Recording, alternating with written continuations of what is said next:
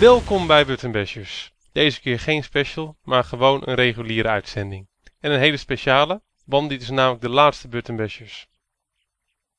Van dit seizoen. Want natuurlijk gaan we vrolijk verder. We zouden jullie niet in de steek kunnen laten. Maar dit is uitzending 20. En we vinden dat een mooi moment om een seizoen te beëindigen en een nieuw seizoen te beginnen. Toch Niels? Ja, ik eh, hield mijn adem net even in. Ik wist echt eventjes helemaal niet waar je naartoe ging eh, met je intro. Nou ja, geluk was dat ik gewoon eigenlijk nog niet zat op te letten. Dus ik heb eigenlijk, eh, ik heb eigenlijk weinig last van gehad. Gelukkig. Nou, des, des te beter, des te beter. Yo, vanaf de komende buttonbashers, buttonbashers na deze buttonbashers, zit er weer wat kleine verandering in eh, de uitzending, maar dat gaan jullie dan wel eh, horen. Eerst hebben we nog deze uitzending te volbrengen en eh, het gaat een mooie uitzending worden, toch, mannen? Ah, het gaat in ieder geval over games, dus is het eigenlijk altijd goed. Ja, het gaat over games. En om beter, eh, om wat preciezer te zijn, deze aflevering gaat met name over service games.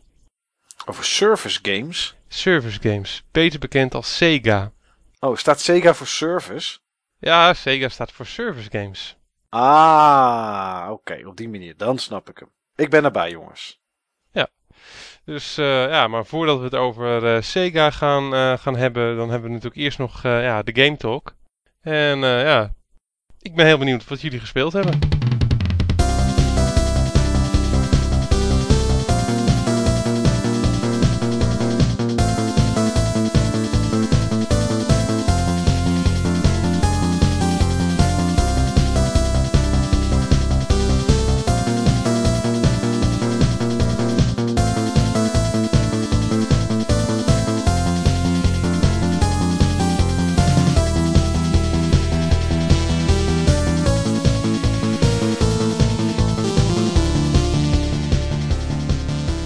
Laten we beginnen met jou, Mike.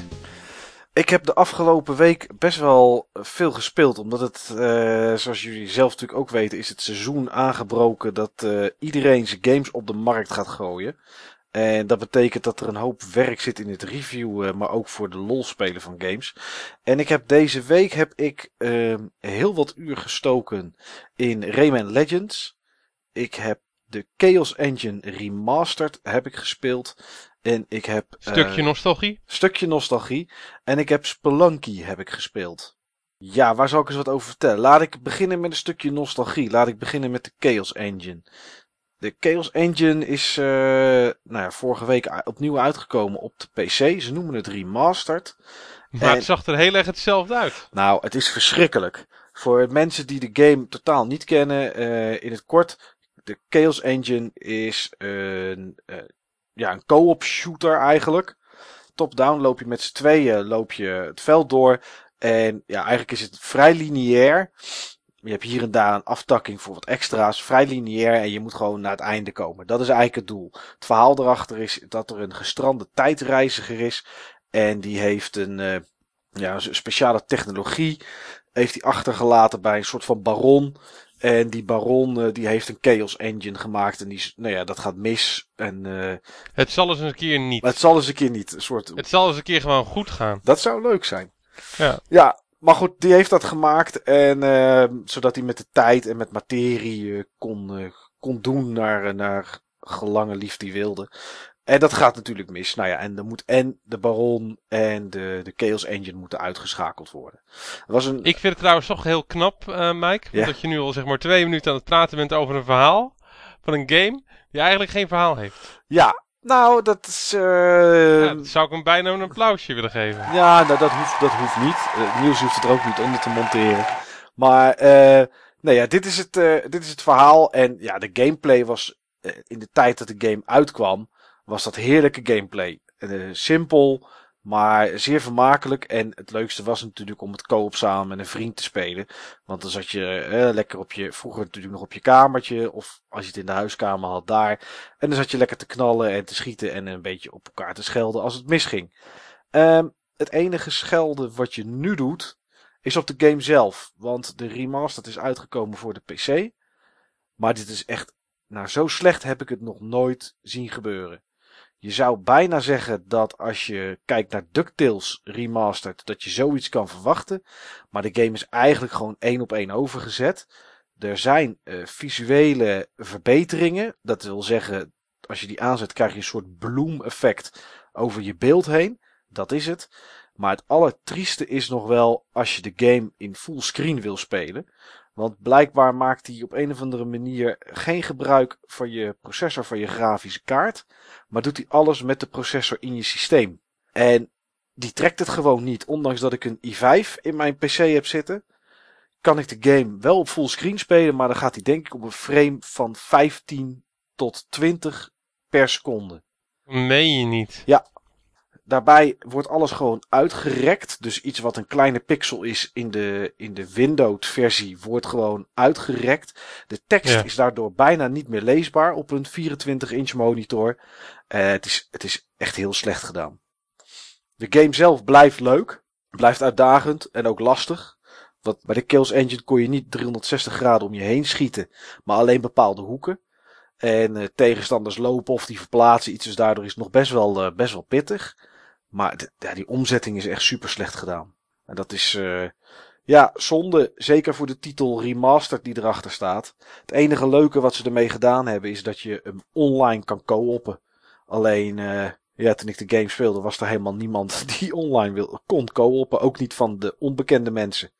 Want eh, ik heb iets kwartier gewacht en ik heb helemaal niemand gevonden die online kon en wilde spelen. Nou, dat klinkt wel heel, dat klinkt wel heel vreemd als ik eh, hoor hoe de goed deze game is omgezet. Ja, ja, dat is eh, verbazingwekkend inderdaad. Ik weet niet wat het bedrag is wat je ervoor neer moet leggen. Dat, eh, ja goed, ik kreeg het ter review. Maar het was, nee, het was beroerd. Echt, echt beroerd. Nou ja, voor de rest, ja, Rayman Legends heb ik heel erg gespeeld. En ja, als je maar iets van platformgames houdt, dan moet je echt Rayman Legends gaan spelen. Wat een geweldige game. Ik dacht zelf nooit dat ik voor Origins ooit zou zeggen dat ik zin had in een Rayman game. Want de eerste twee vond ik aardig, maar op een gegeven moment ging het bergafwaarts en toen kwamen ook nog eens die konijnen erbij. En toen kon, ik het, toen kon je het helemaal wel vergeten, want dat vond ik echt Ja, verschrikkelijk. Toen werden het alleen die suffer party games. Maar wat een goede game is dit. Ik durf te zeggen dat Rayman in die laatste twee games sowieso, maar ook in deze laatste game, vernieuwender is dan Mario in de laatste vier, vijf games. Want ze trekken Rayman niet een pakje aan van een kat en dat is dan een nieuwe feature. Er zitten echt zoveel dingen in. Er zitten levels in waar je rustig rond kan kijken en kan springen naar de extra's. Er zitten levels in waarin je echt gehaast wordt door, door de tijd. Eh, er zit bijvoorbeeld een level in met drijfzand, waarin alle gebouwen waar je inloopt langzaam het zand inzakken en draaien en waar je doorheen moet. Nou, het is geweldig. Aan het einde van elk eh, reeks van levels, zeg maar, van elke wereld, alleen zijn het hier schilderijen waar verhalen in zitten, zit een soort musical level. ehm, waarin Die schijnt heel tof te zijn. ja, die zijn zo gaaf.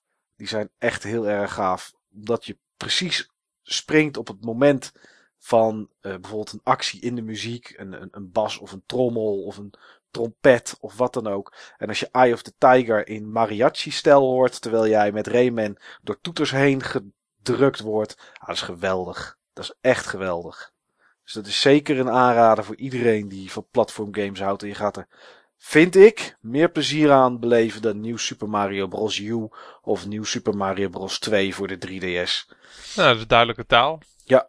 Ik ken in ieder geval één persoon die hem dit weekend gekocht heeft. Oké, jij. Nee, Oh, wie dan? Niels natuurlijk. Niels. Ja, heb je hem ook al gespeeld, Niels? Eh, nee, ik heb de demo gespeeld, maar nog niet de game zelf. Oké. Nou, ik ben erg benieuwd of je mijn, eh, mijn mening deelt eh, in ieder geval. Ik eh, denk wel dat ik het mee eens ben inderdaad dat, eh, dat Rayman veel creatiever is, met name in level design. En ook met humor en dat soort dingen. Ja. Dan de laatste Mario's. En ik heb van alles wat ik heb gelezen is het beter dan Rayman Origins. En Rayman Origins vond ik al heel erg cool. Dus eh, ja, ik zie het tegemoet. Het, eh, het spel doet het best goed, had ik vanochtend gelezen. Verkocht meteen al 20% meer in de eerste week dan eh, het origineel. Ja, nou, ik ken ook Nou, iemand die... Eén ding weet ik zeker. Dat had hij niet gered als hij alleen op de Wii U uitgekomen was. Nee, Nee, nee, zeker Hij is wel overweldigend meer op Wii U gekocht dan op de andere platforms. Maar ja, de andere tikken bij elkaar ook wel genoeg aan natuurlijk. Nou ja, ik ken eh, een, een bekende van mij die wilde hem afgelopen zaterdag halen voor de PlayStation 3. Mhm. En dat kon niet, want die was uitverkocht in de winkel waar die was. Oké, Dus er, eh, dat gebeurt volgens mij. Voorraadproblemen. Ja, ik weet niet of het voorraadproblemen zijn of dat het echt heel erg hard is gegaan. Maar volgens mij gebeurt dat niet zo heel vaak met een game die op PS3 en Xbox 360 uitkomt, dat het op is. Nee, nee. Misschien een beetje onderschat. Dat zou kunnen. Omdat hij op zoveel platformen uitkomt dat ik denk, nou, ik hoef er niet twintig van elk neer te leggen. Maar het, is ook niet eh, bepaald de nieuwe Call of Duty qua naam. Nee, Nee, en als je ook eh, kijkt, het is eigenlijk een eh, vervolg op Origins. En Origins had ook op eh, 360 en PlayStation 3 niet zo goed verkocht. Dus ik denk dat eh, winkels een beetje terughoudend zijn geweest met inkopen in dit geval. ja, nou, daar moeten ze dan heel snel van terugkomen. Want het is echt een geweldige game. Ja, hij heeft uiteindelijk wel goed verkocht, maar vooral in de budgetbakken. En eh, ik denk dat dat gewoon veel mensen zijn die nu wel dat nieuwe deel willen spelen, omdat het vorige deel natuurlijk heel goed was. Zeker weten. Nou eh, ja, voor de rest heb ik eh, eindelijk vandaag ook, maar daar gaan we het niet over hebben, nog een uurtje Animal Crossing gespeeld. Dat had ik al meer dan een eh, week niet gedaan. Dus ik kreeg allemaal zeurende Nou, het karakters. is een schande. Ja, het komt omdat heel langzaam, ik heb, de teller staat geloof ik op 35 uur inmiddels, dat Ja. ik een beetje het, de manier van geld verdienen een beetje zat word. Het vissen en het, het, het vangen van, van, van insecten. Ja, heel langzaam begin ik dat een beetje zat te worden. Loop ik weer met dat hengeltje langs de kustlijn en dan vang ik weer een, een inktvis en denk ik, ja jongens, kom op. Dus dat, dat begint heel langzaam een beetje tegen te staan. Maar als ik het van nu nooit meer zou spelen, nou uiteraard zal ik in de winter kijken hoe het eruit ziet. Dan vind ik, vind ik het zijn geld nog steeds waard geweest. Want het, elke minuut die ik erin gestoken heb, heb ik me ermee vermaakt. Joh, ik zet wel een paar keer mijn poortje open. Dan kom ik gezellig bij je buurt. Dan hoop ik niet dat er zulke vreselijke dingen gebeuren als dit weekend ook mijn poortje openzetten. Ik, eh, ik heb er nog niks over gehoord, zeg ik dan maar steeds. Maar wat is er gebeurd met je poortje? Nou, niet zozeer met mijn poortje, Oh, oké. met, mijn- met mijn 3DS. Ik had mijn schop, ik had mijn schop, ik had mijn schop verkocht, per ongeluk. Oh ja, dat klopt ja. Ja, en ik had een nieuwe schop nodig. En eh, Niels was eh, zo vriendelijk dat ik zeg maar zijn stad in mocht om, ja, om bij hem dan een, een eh, schop op te gaan halen. En eh, ik lag dan heerlijk uitgebreid nog eventjes zondagochtend in eh, bed te gamen, wat natuurlijk kan met een handheld. Maar ik, ja, ik kreeg er opeens eh, kramp en toen heb ik het ding eventjes naast de kant gegooid. En vervolgens heb ik per ongeluk, zeg maar met een zwiep van mijn dekbed, mijn telefoon de keihard tegenaan gegooid. En er zat een ja, flinke kras in mijn scherm. Ja, dat is niet... Dat is niet zo slim, hè? Nee, maar ja, goed. En ik klap het ding altijd dicht. Ja, dan is een 2DS niks voor jou. Nee, maar ik heb al een nieuwe 3DS XL.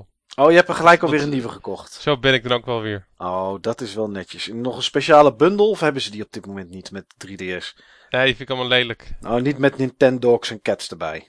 Nou, ik heb nog wel zeg maar een eh, bundel gezien van eh, Animal Crossing. Ja, Een witte met allemaal kleine frutseltjes op eh, de voorkant. dat was wel verleidelijk, denk ik. Die was heel verleidelijk. Nee, ik moet zeggen, die was zo godsgruwelijk lelijk. Oh, Daar heb ik, zelfs de doos was niet mooi. Nee, daar heb ik echt met geen haar op mijn hoofd over gedacht, gedacht. En heb ik er zat van. Dus ik heb nu gewoon weer precies dezelfde die ik, die ik had. oké. Nou, wel netjes. En heb je er dan ook nog meer op gegamed dan alleen Animal Crossing? Ik deze week. Ja, Nee, ik heb echt alleen maar Animal Crossing opgespeeld. Want ik speel op dit moment alleen maar Animal Crossing op mijn 3DS. Ik eh, heb nog steeds zeg maar in mijn netje allemaal andere games eh, bij me. Die er continu uitvallen. Eh, Dat ik ze er weer in moet doen. Maar eh, ja, ik gooi ze er gewoon maar lekker uit. Want ik speel toch alleen maar Animal, Animal Crossing. is dat het enige wat je deze week gespeeld hebt dan? Nee, dat is niet het enige wat ik deze week gespeeld heb. Gelukkig niet. Want eh, ik weet niet of ik het verteld heb de vorige keer. Ik dacht het niet, maar ik ben bezig met Neutopia op de PC Engine. En dat is eh, de meest schaamteloze Zelda-kloon die ik in jaren heb gespeeld. Die ik waarschijnlijk ooit heb gespeeld. Dat is eigenlijk eh, Hudson Das Zelda. Oké. Echt alle vijanden van Zelda ben ik zo'n beetje al tegengekomen.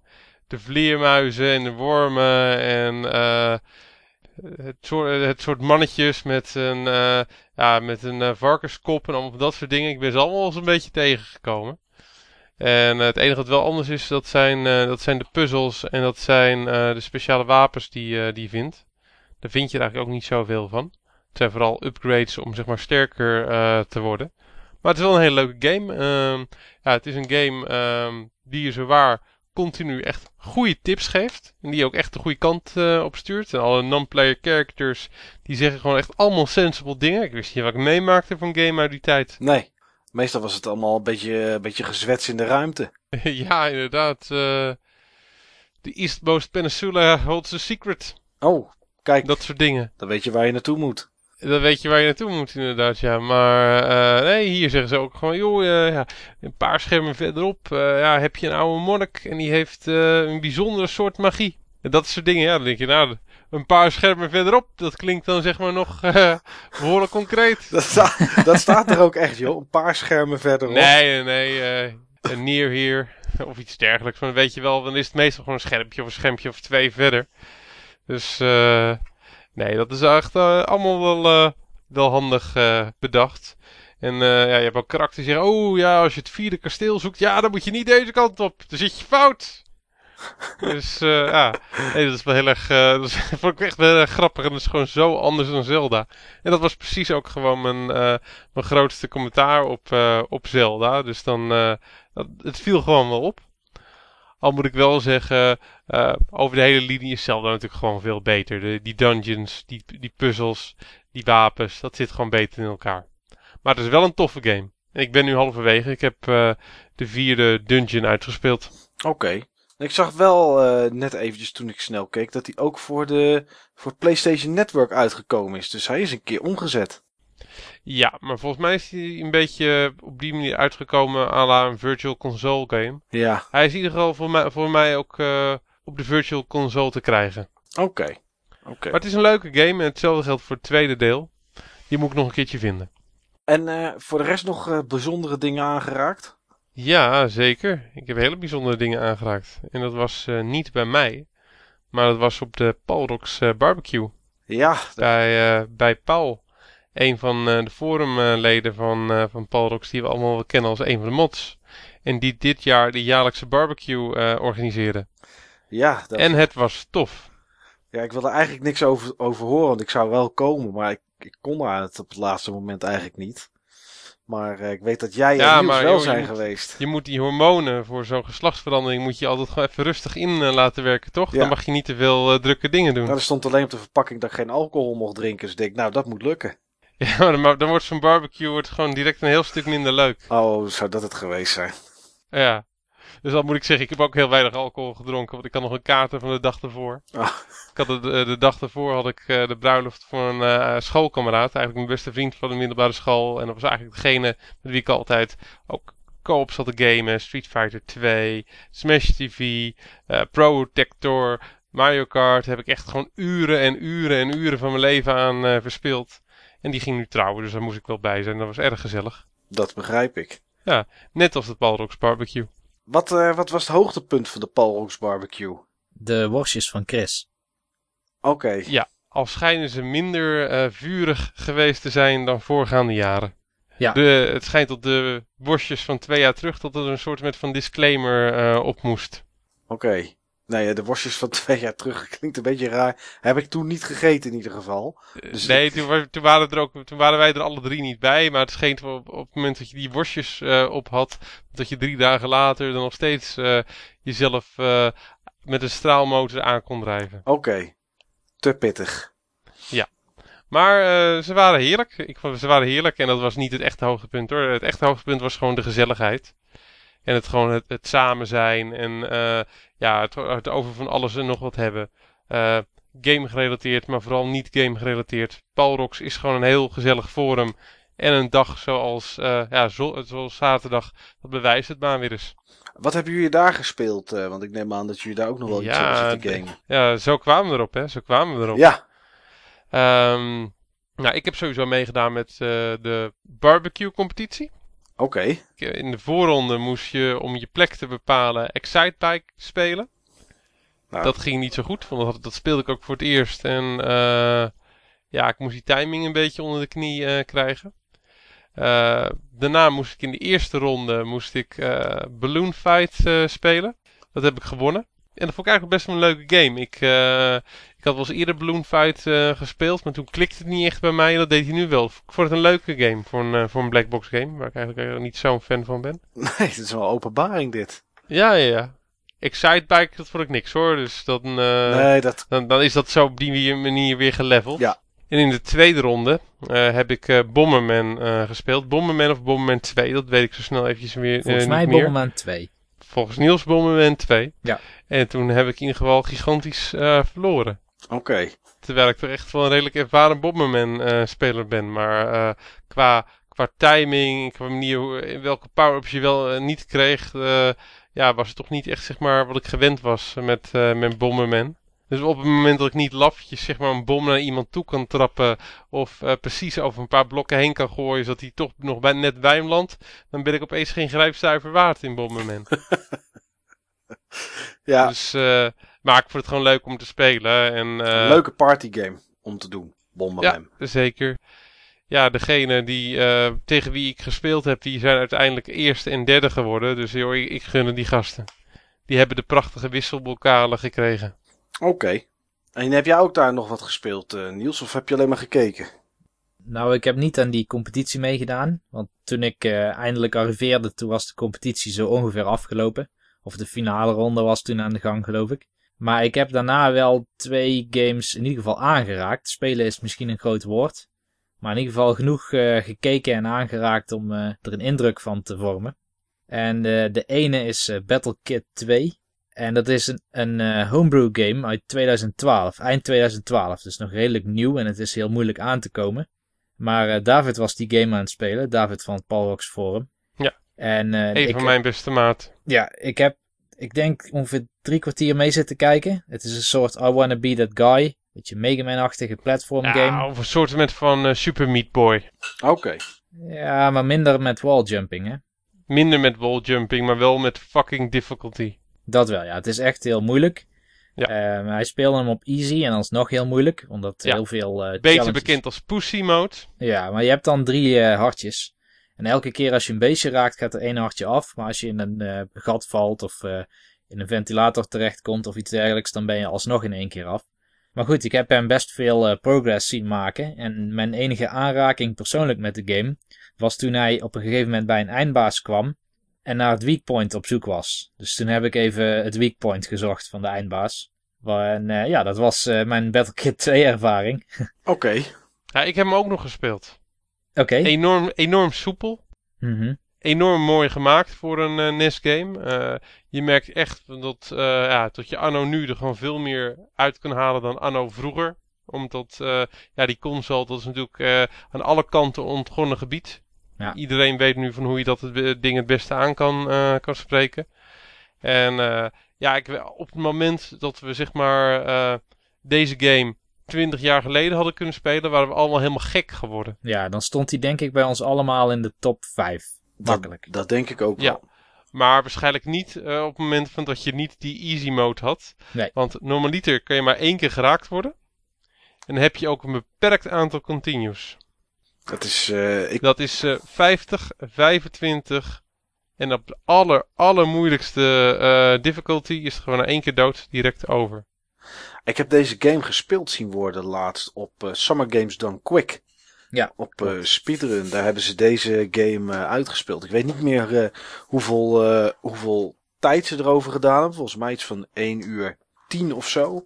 Maar er zaten echt enorm moeilijke, moeilijke levels tussen. Maar het zag er inderdaad wel uit als een, als een onwijs interessante game. Ja, en er zit heel erg veel content in. En het speelt als een soort Metroidvania in de zin van dat het niet compleet lineair is. Dat je ook kan backtracken.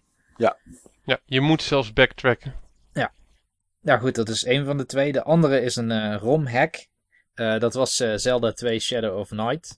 Nou, daar uit al meteen het verschil tussen Nintendo designers en homebrew designers.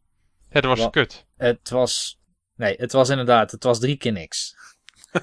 ik kan er eigenlijk niks van maken. Ik wilde nog zeggen van ja, misschien was het wel... het roept wel herinneringen op aan Zelda 2 en het prikkelde ergens wel mijn exploratiezin. Maar, maar het was kut. Ja, ik heb het kasteel gewoon niet kunnen vinden. Ik heb alleen maar towns gezien. Meerdere towns doorlopen, alle mensen aangesproken, er viel eigenlijk niks te doen. En als ik dan uh, ergens anders naartoe wilde, dan was het niet zo dat ik gewoon het paadje moest volgen. Maar dan moet je random ergens een bos inlopen en dan is er één tegel en die warpt je weer ergens naartoe. Ja, het was uh, redelijk lastig. En niet leuk. Wie heeft het ooit bedacht, joh, vragen je dan af. Om het zo verschrikkelijk te maken. Ja, een of andere amateur. Ja. Maar ik heb het ook, ik heb het ook zitten spelen en eh, ik denk dat ik mijn mening toch wel redelijk door Niels' verhaal heb heen geweven. Dat denk ik ook. En ik ben niet tegen romhacks. Ik vind bijvoorbeeld die Super Mario World romhacks, die het extreem moeilijk maken. Die vind ik hartstikke leuk gedaan. Hartstikke mooie creatieve levels. Maar dit was gewoon iemand die dacht, laat ik met een level editor of sprite hack tool of wat dan ook, gewoon wat random in elkaar gooien. Omdat het kan. Omdat het kan. In ieder geval ontbrak wel wat visie, denk ik. Want uh, het was ja, behoorlijk onduidelijk om te spelen en niet leuk inderdaad. We maken het donker, we maken het anders. Dat was een beetje zeg maar het, het basisidee en uh, dat was een beetje een zwak basisidee. Ja. Maar misschien gaan we het nog een keertje verder hebben over, uh, over ROM hacks. Maar we hebben in ieder geval een briljante homebrew game gespeeld. Dus zo hebben we toch vanuit de ja, thuis dev hacking community iets heel gaafs voorgeschoteld gekregen. Ja, Battlekit, naast, naast de heerlijke worstjes en naast alle gezelligheid. Ja. Maar dat is denk ik ook gewoon een mooi punt om deze game talk voor nu af te ronden. Want er gaat ongetwijfeld nog wel wat voorbij komen in het hoofdonderwerp, Sega. Want ik weet in ieder geval dat Niels heel veel Sega-games heeft gespeeld. Jazeker. Bijna de hele week ja. alleen maar Sega gespeeld. Nou, dat is een goede voorbereiding. Zeker weten. Dus ja, laten we het daarover gaan hebben. Sega.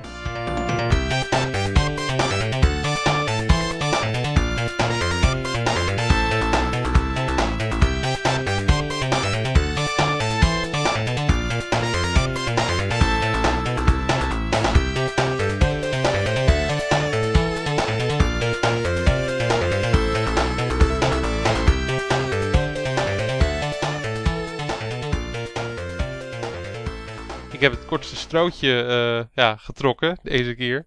Omdat uh, ja, eigenlijk de andere mannen uh, te weinig van Sega wisten en te weinig met Sega hadden om de boel te hosten. En dat ik zoiets van, joh, dan doe ik het toch. Ik vind het wel heel nobel, Steve. Ja, maar dat brengt me direct op de eerste vraag. Waarom hebben jullie zo weinig met, met Sega? En waarom weten jullie zo weinig van Sega? Ja, ik denk dat dat komt... Um wat ik al eens eerder vertelde, ik had vroeger wel een, een, een NES. Het was niet heel lang, maar ik had er wel een. En daarna is het met consoles eigenlijk heel erg stil geweest bij mij. De SNES had een kameraad van mij. Daar speelde ik ook wel, uh, wel regelmatig op. Maar ik zat meer in de Commodore 64 hoek. Qua wat uh, jongens op school bij mij en, en dat soort dingen om me heen hadden. Dus ik kwam wat minder met Sega in aanraking. Eigenlijk nog minder dan Nintendo. Ik, ik heb ook de hele week zitten denken of ik iemand in mijn vriendenkring had vroeger die een Sega had. En ik kwam eigenlijk alleen maar op één iemand en die had een Game Gear. En ja, voor de rest, Sega was voor mij de arcadehal. Daar ga ik, wil ik niet op vooruit lopen, maar dingen als Space Harrier en Outrun. Dat was voor mij in mijn jeugd zeg maar Sega. Dus ja, dat, ik heb daar voor de rest niet, niet eens Sonic. Was niet eens voor mij vroeger Sega. Dus ja, daarom heb ik er wat minder mee.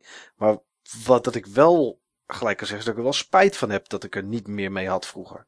Oké, okay. nou dat vind ik in ieder geval een mooie gedachte om eventjes te parkeren. Die parkeer ik. Ja, hoe zit het met jou Niels? Nou, ik had een beetje hetzelfde als uh, Michael, dat ik eigenlijk niemand kende met een Sega, maar wel iemand met een Game Gear inderdaad. Um, ik had Sega wel eens gezien, want in McDonald's stond altijd wel een Sega-kast in die tijd, geloof ik. En uh, op het programma Powerplay zag ik af en toe iets van Sega voorbij komen. Ik kan me nog goed herinneren dat uh, ze de powertip uh, gaven hoe je in Echo the Dolphin voorbij de grote octopus kon zwemmen. Als je zachtjes zwom, dan ging je er voorbij. Maar voor mijn beleving was Sega dus Sonic en Echo the Dolphin. En Nintendo was uh, Mega Man en Mario en Excitebike en noem, maar op, zeg maar. Dus voor mij, als ik de keuze had, ik had te weinig zicht op wat Sega te bieden had in die tijd. En daarom uh, heb ik eigenlijk nooit die Sega-systemen echt gevolgd. Het is echt pas sinds vorig jaar, denk ik, dat ik uh, echt Sega-spellen in huis heb. Daarvoor wel op Virtual Console gespeeld, heel veel. Maar het is voor mij nog inhalen. Ja, nog eventjes een leuke insight, weet je uh, voor de mensen die deze podcast nu al een tijdje volgen. Sega is eigenlijk indirect de reden waarom we deze podcast hebben. Want het komt waarschijnlijk door die Mega Drive, uh, Steve, die jij aan Niels verkocht hebt, of niet? Ja, dat klopt. Ik heb toen zeg maar op uh, Deurne aan het begin van dit jaar een Mega Drive aan Niels uh, verkocht. En eventjes zeg maar uitgebreid hem staan praten. En ja, iets later ben ik toen door, ja, door Niels benaderd van joh, ik ben nog...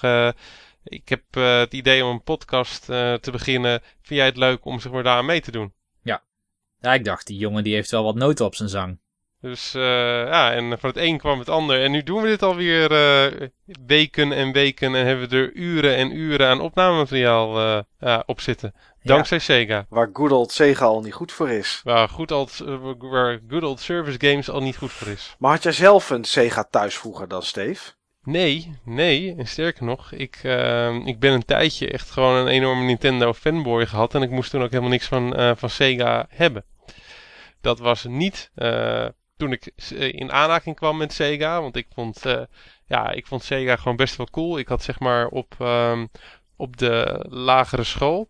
Had ik op een gegeven moment een promo boekje meegenomen bij een speelgoedzaak vandaan. Bij was Smit vandaan. En dat was zo'n boekje. En daar stonden dan gewoon echt al die games en al die accessoires in. En dat was in dit geval dan voor de Master System. En uh, ja, dan zag ik in dat boekje, want die boekjes die kon ik echt gewoon uh, ja, als een soort van kleine bijbeltjes gewoon lezen. Met name die van Nintendo. Maar deze was helemaal magisch. Want dit waren spellen. En die wou ik spelen en die kon ik niet spelen, want ik had niet zo'n ding. En, um, en het waren precies de echte Sega games waarschijnlijk. Ja, en er stonden echt gewoon die games in. Dat je denkt van, hey, dat is dat spel uit de speelhal. Die uh, is wat ik, uh, wat ik zo gaaf vind uh, in Avifauna. Met die klote vogels. ja. Daarvoor ga ik steeds naar, naar Alphen aan de Rijn. Die wil ik zelf kunnen spelen. Voor de Space Harrier. ja, en Wonderboy en ja, Hang On. Allemaal van dat soort titels. Operation Wolf zag ik dan daar ook met de Lightgun in staan. Ja, het zag er gewoon allemaal heel gaaf uit.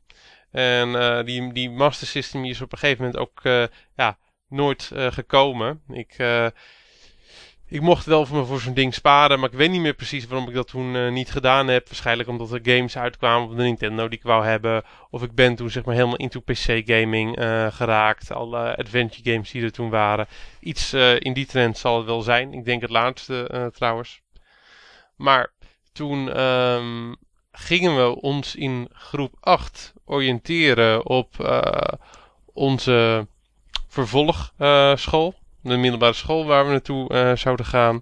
En um, toen ging ik naar een of andere school. Volgens mij is het niet de school waar ik uiteindelijk naartoe gegaan gaan ben op de open dag. Met de hele klas. En dan kreeg ik daar een of ander jongerenblad met van alles en nog wat erin.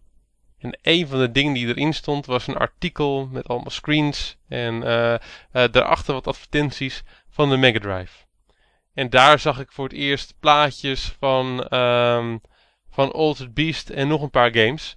En dat zag er gewoon echt zo gaaf uit. Dat je echt gewoon sprites had die, uh, die bijna een heel scherm uh, in beslag namen. Althans, zo voelde het wel in vergelijking met die 8-bit games die, die je gewend was. En ja, er stond echt waarom het geavanceerder was dan, dan de NES. En ik had echt zoiets van, oh gaaf, gaaf. Dat, dat wil ik wel hebben. En uh, ja, ik heb echt heel vaak bij zo'n ding staan kwijlen in de Bart Smit. Met name toen Sonic ook uit was. Maar uiteindelijk is er toch een Super Nintendo gekomen. En ja, toen had ik zoiets, ha, dit is toch veel beter. Is toch veel beter dan een Mega Drive. Daar heb ik toch geen Mega Drive meer voor nodig. Klote Mega Drive, inferieure Mega Drive. Moet je dan kijken naar die kleuren. Moet je dan kijken naar dit. Moet je dan kijken naar dat. Dat is gewoon toch veel, veel minder. Ja, dat was en dat het, is eigenlijk, het fanboyisme. mijn, mijn fanboyisme, inderdaad, ja. Ja, hadden jullie uh, die System War destijds meegemaakt? Nou, niet. Bewust, hè? In jouw directe omgeving? Nee, ik niet. Ik ken nog wel de uitspraak. Volgens mij was het Genesis does what Nintendo don't. Mm -hmm. Maar dat was in Amerika. Daar mochten dat soort reclames natuurlijk. Waar ze elkaar publiekelijk zeg maar een beetje af, uh, af aan het maken waren. Maar ik heb daar zelf, dat is echt allemaal spul wat ik later heb gelezen. Ik heb dat nooit uh, nou, in die periode zelf meegemaakt. Ik, ik heb nog wel in Engelse multiplatform bladen de advertentie 5 reasons to buy something super. And over a hundred to buy something mega gezien. dat je dan zeg maar een Super Nintendo zag met die vijf launch games en een Mega Drive met gewoon stapels en stapels met games. En dacht je wel van joh, eigenlijk ben ik een beetje gek. En uh, ja, Sega. Sega was eigenlijk voor mij een beetje hetzelfde als, uh, als porno in die tijd. Oh, zo. Je, je, kende, het, je kende het alleen maar als uit de boekjes. Ja, ja. En uh, ja, het, was, het was een beetje stiekem. En je vond het toch wel heel erg interessant. Maar eigenlijk wou je het niet echt toegeven. Oké. Okay. Ja, je durft het niet te vertellen aan de rest. Je durfde het niet te vertellen aan, uh, aan de rest, uh, inderdaad, ja. En um, ja, ik, ik kocht altijd mini machines. Of ik kocht mini machines. Ik kreeg mini machines van mijn oma. En uh, ja, daar stonden er weer dingen in van Streets of Rage. En er stonden weer dingen in van Alien Storm. En dacht je, oh, het ziet er toch wel gaaf uit. Het ziet er toch wel gaaf uit. Maar ja, kan het niet spelen. Nee. Dus, maar nu kan ik het wel spelen. Nu heb ik gewoon zo'n ding. En nu heb ik echt gewoon rijen en rijen met Mega Drive games. De meeste gave titels die heb ik wel. En dat zijn er heel veel. En ik vind het tegenwoordig echt gewoon heel jammer dat ik zo'n ding niet op het moment uh, ja, zelf heb gekocht. Want uh, man, man, man, wat was het gaaf geweest om tegelijkertijd een Super Nintendo en een Mega Drive aangesloten te hebben. Ja. Want er zijn mooie games op dat systeem verschenen. Ja, dat had in die tijd wel heel gaaf geweest als je dat had gehad, inderdaad. Ja, maar dan was ik waarschijnlijk het meest verwende jongetje van de klas. Dat was ik toch wel, maar dan was het wel heel erg geweest. ja, heb jij het zelf dan bewust meegemaakt, Niels? Nee, ook niet. Nee. Ik denk ook dat het meer iets was wat, wat hier niet zo heel erg was. Wat Steve zei al van, stond dat in een Engels blad. En ik denk in Amerika, omdat natuurlijk daar in reclames, hè, mocht je een ander product, zolang het volgens mij maar feitelijk was, mocht je dan zeg maar een beetje, een beetje voor, gek zetten of een beetje te kakken zetten. En die, hier heeft dat volgens mij nooit gemogen. Dus ik weet ook niet of dat een reden is dat dat hier nooit gedaan is. Maar nou, het kan ook gewoon zijn dat Sega hier niet zo groot was vroeger. Volgens mij waren ze überhaupt niet zo actief met, uh, met adverteren. Nee, nou ja, dat is natuurlijk ook uh, de dood geweest uh, van een andere Sega-console. Ja, daar gaan we het ongetwijfeld ja. over hebben. Ja, maar, het is, geloof ik zelfs, maar dat weet ik niet zeker. Maar ik meen gelezen te hebben dat de Mega Drive juist in Europa heel populair was. En veel populairder dan in Amerika en in Japan. Oké. Okay. In Amerika was die ook heel erg populair. Oké. Okay. Volgens mij heeft in Japan de SNES heel erg gewonnen. En was de voorloper van de, uh, van de Mega Drive, de uh, Japanse versie van de Master System, juist uh, weer behoorlijk populair. Mm -hmm. Maar in, in het Westen heeft de, de Mega Drive het goed gedaan. Ze hebben heel lang in grote gebieden van de wereld redelijk één op één gelopen met Nintendo. Ook van, vanwege de voorsprong die ze hadden want ze waren gewoon een stuk eerder met een 16-bit uh, console dan, dan Nintendo. Uh, en uiteindelijk hebben ze het wel afgelegd wereldwijd. Want volgens mij zijn er iets van 50 miljoen SNES-consoles verkocht en iets van 30 miljoen Mega Drive-consoles. Maar in die tijd was het gewoon echt goed. Ja. Want Nintendo was gewoon zo gigantisch.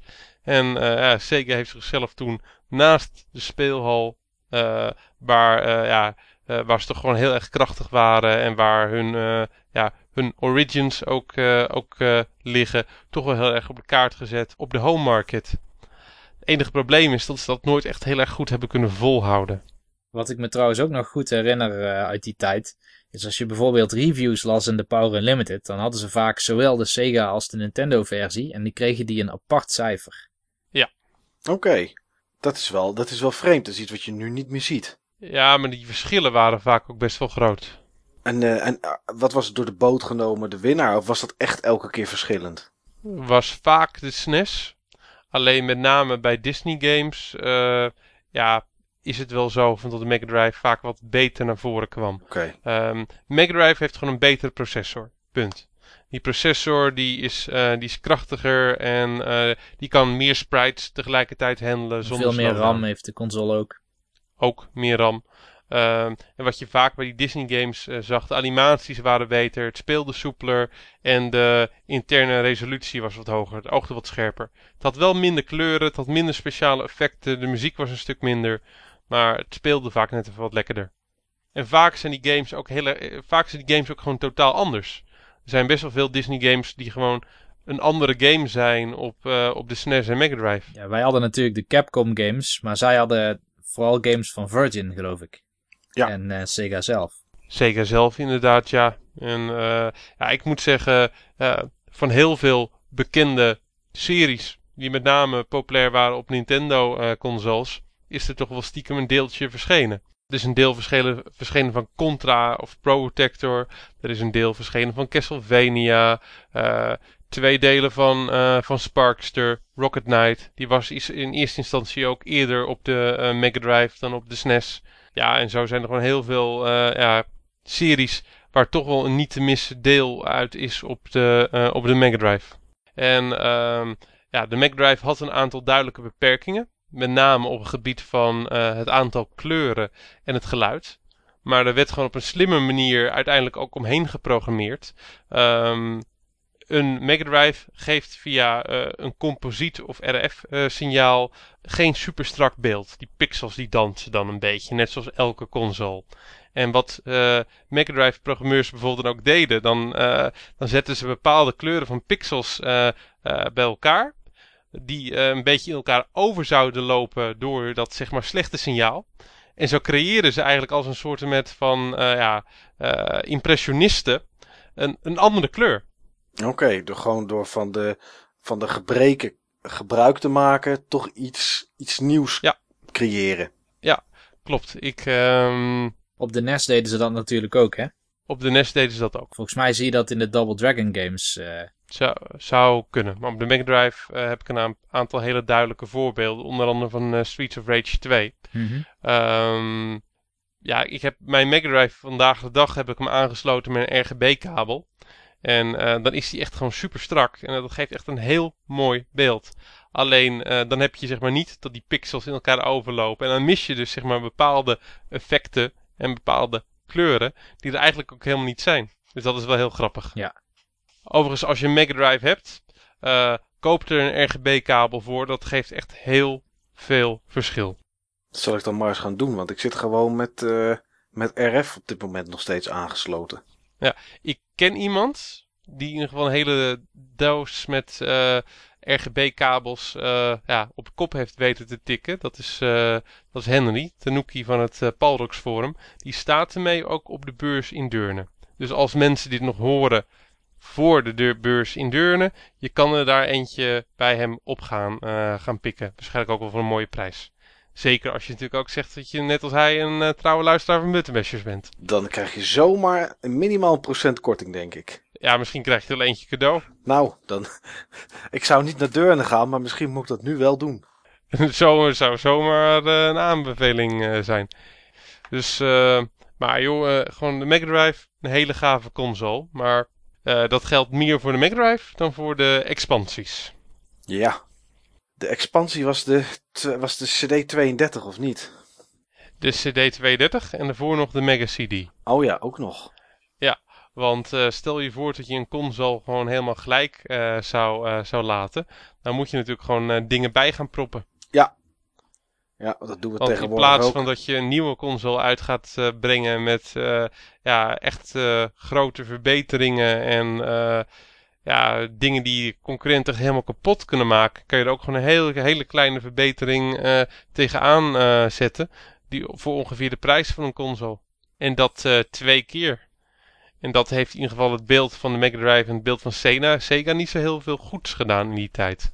Want Sega heeft twee keer een expansie uitgebracht die allebei niet heel erg succesvol uh, waren. Uh, de Mega CD, dat ging dan nog wel voor een expansie. En er zaten ook gewoon games tussen die uh, voor die tijd redelijk nieuw waren op een console. Van die games met allemaal interactieve filmachtige dingen. Of hele uitgebreide animaties. Of hele mooie muziek. Ja, dat was voor die tijd nog nieuw. Maar uh, ja, de 230X die heeft weinig uh, gebracht uh, voor, voor Sega. Ja, ik zat te lezen dat er in totaal maar 13 games of zo voor zijn uitgekomen. Dat is echt schandalig. Zoiets, zoiets inderdaad. Ja. Schandalig voor zo'n ja. dure expansie en dan maar 13 games maken die daar gebruik van maken. Zeker als je weet dat van de 13 games er misschien maar een stuk of 5, 6 zijn die je überhaupt aanspreken. Omdat niet alles in elk genre je ding is. Ik heb ooit nog een keertje bij een V&D staan, uh, staan kijken. Toen het ding erop zat. En uh, ik heb toen nog over, overwogen om een Mega Drive met die 230X te kopen. Voor Doom en Star Wars. Oké. Toen ik niet wist hoe kut de 230X versies van Doom en Star Wars zijn. Maar je hebt het toen toch, toch weer niet gedaan, Steve. Nee, Nee, en daar heb ik in ieder geval geen spijt van. Nee, dat kan ik me voorstellen. Maar toch heb je in je leven vaak op het punt gestaan, horen we nu om er een te kopen. Ja. En toch elke keer net niet. Zo ook bij uh, de opvolger van de Mega Drive, de, uh, de Saturn. Um, daar heb ik ook zo'n twee jaar nadat het ding uit was, um, heb ik ook gewoon uh, met een enorm afgeprijsde Saturn met Tomb Raider in mijn handen gestaan. Die op dat moment volgens, maar, volgens mij maar tussen aanhalingstekens, uh, eh, 200 of 300 gulden was. Ja. En weer niet gedaan. En dat had wel uh, de belangrijkste reden van dat de Saturn toen in Europa al zo goed als dood en begraven was. Want ja, de Saturn dat was nou niet echt uh, de juiste console op de juiste tijd. Nee. Heel veel mensen voelden zich een beetje ja, genept door Sega door dat ding dat te kopen. Één van de redenen. Ja. Dat was uh, één van de redenen. En daarnaast, uh, hij is eigenlijk te laat uitgekomen. Dat is ook de reden waarom ze toen met die 32X gekomen zijn. Dat was een soort van goedhoudertje uh, om alvast weer wat nieuwe dingen te kunnen brengen. En uh, ja, de Saturn, ik heb altijd een beetje een rare console uh, gevonden in retrospect. Uh, toen kende ik die console nog niet goed genoeg om er op deze manier over na te denken. Maar ja, Sega was altijd heel erg innovatief in de speelhal. We hebben uh, arcade special gedaan en hebben ook aardig wat games van Sega de revue over laten, uh, de revue laten passeren die in de speelhal te spelen waren. Ja. En um, mid jaren 90 waren ze ook weer revolutionair bezig in de speelhal, maar met name op het gebied van 3D. Uh, Sega was eigenlijk ja, een van de eerste, zo niet de eerste grote ja, game- en hardware fabrikant die populaire 3D-games in de speelhal uh, had. Virtua Fighter, Virtua Racing, super tof. Heel gaaf. Heel anders dan je toen uh, gewend was. Op het moment dat je dat zag, wist je gewoon niet wat je zag. Het waren kale polygonen, het zag er niet uit, maar het was in die tijd zo vreselijk gaaf en zo vernieuwend. Ja. 3D, dat, dat scoorde gewoon goed. Ik heb echt, echt guldens bakken met guldens in Virtua Fighter gegooid. Wat vond ik dat geweldig dat dat mogelijk was. Ja, ja. dat, dat, was een hele gave game. En dat gaf eigenlijk toen al een beetje aan dat 3D de weg voorwaarts uh, zou gaan worden. Uh, dat is ook zo gebleken. Kijk maar van naar vandaag de dag. Ja. Alleen uh, de Saturn, als je het vergelijkt met zijn concurrenten in die tijd, zowel de, de PlayStation als ehm, de Nintendo 64, hij was gewoon wat minder goed in 3D games. Het is, de Saturn is echt neergezet als een 2D, als een 2D beest. Uh, het is echt, echt een hele goede uh, 2D uh, console. Met name op het moment dat hij de geheugenuitbreiding heeft, ja, heeft gekregen. Maar ja, in 3D is hij gewoon wat minder. En er zijn zeker ook nog steeds gave 3D games op verschenen hoor. Maar vaker was het zo dat een game die op verschillende platforms uit was, ja, toch wel wat beter was op de, op de PlayStation. PlayStation positioneerde zich, uh, zichzelf in ieder geval meer ook op die 3D-games. Ja, nou dat hebben ze behoorlijk ook gedaan, want er zijn er ook echt bakken op uitgekomen uh, in die tijd. Ja, en uh, ik moet zeggen, in de, op de Saturn zijn ook hele gave games uitgekomen. De Saturn heeft het niet heel slecht gedaan in Japan. In Japan heeft hij het redelijk goed gedaan nog. Volgens mij beter verhoudingsgewijs ook uh, als je kijkt naar de tijd dat hij in de winkel heeft gelegen dan de Mega Drive. Maar in de rest van de wereld uh, ja, heeft hij toch uh, ja, niet goed gedaan. Ik kende ook, net zoals in, in mijn vroegere jeugd, wat, nou ja goed, de Saturn was dan niet meer echt meer mijn jeugd, maar ik kende ook niemand die dat ding had of wilde hebben. Het is echt pas veel later dat ik in de, in de periode dat ik richting retro games ging kijken, dat ik in één keer zag van, hé, hey, krijg nou wat joh de Sega Saturn. Ik, ik, kende helemaal niemand die dat ding had. Nee, ik ook niet. Echt niemand. Heb jij er vroeger op gespeeld, uh, Steve? In de tijd dat hij echt uitkwam, behalve dan in de winkel? Alleen in winkels. Oké. Okay. Ik heb trouwens eventjes gecheckt. Er zijn 9,5 miljoen uh, units verkocht wereldwijd. Oké. Dus dat is niet zo heel erg veel. Nee. Nee, daar kan, je geen, uh, daar kan je geen feestje van vieren van die winst. Nee, maar het valt me nog wel mee na die 32X en Mega CD. Als je kijkt wat die hebben verkocht, klopt. dan hebben ze toch nog redelijk wat uh, consumentenvertrouwen weten te behouden. Ja, dat klopt. Um, de meest populaire game was Virtua Fighter 2. Daar zijn er in Japan alleen al 1,7 miljoen van verkocht. Dus dat zal waarschijnlijk uh, tussen de 2,5 en 3 miljoen zijn wereldwijd. Want dat was echt wel een game die iedereen had of wou hebben. Heb jij nu uh, een Saturn staan, Steve? Nee, dat is dus eigenlijk een van, uh, van de weinige consoles die ik niet heb. En die ik nog wel wil, wil hebben. Alleen je ziet ze niet zo vaak meer. En ja, ze zijn uh, redelijk duur en uh, ik ben eigenlijk te laat ingestapt. Een uh, goede vriend van me, Jelle, die is eigenlijk precies op het juiste moment nog ingestapt met een Saturn. Ik moet een keer geluk hebben. Nou, misschien wel een keer, misschien wel in Deurne dit weekend. Oké, heb jij er een staan, Niels? Nee, ik heb alleen van Sega de Master System en de Mega Drive. Oké. Okay. Ik zat ondertussen even stiekem te kijken en ik zie hier wel een PAL-versie uit Frankrijk voor 80 euro. Dat is dan met doos erbij en ik zie er een staan met drie games voor, voor voor 65 euro. En dan komt er wel 30 euro verzendkosten bij. Dus op zich is het te doen. Ja, dus dat valt me nog wel mee. Ja. Yo, als ik er eentje zou kopen, sowieso met Virtua Fighter 2. Ja. En met Panzer Dragoon 1 en 2. Dat vind ik echt hele, hele gave games. Ja. Dat kan ik me heel ik goed zou denk ik daar ook uh, Nights into Dreams bij kopen. Oh zeker, dat is ook een uh, klassieker. Ja, ja, dat is wel één die je erbij moet hebben. En toch, ondanks dat ik niet van race games hou, iets van Daytona USA, omdat ik dat vroeger in de kast oh, wel ja. speelde.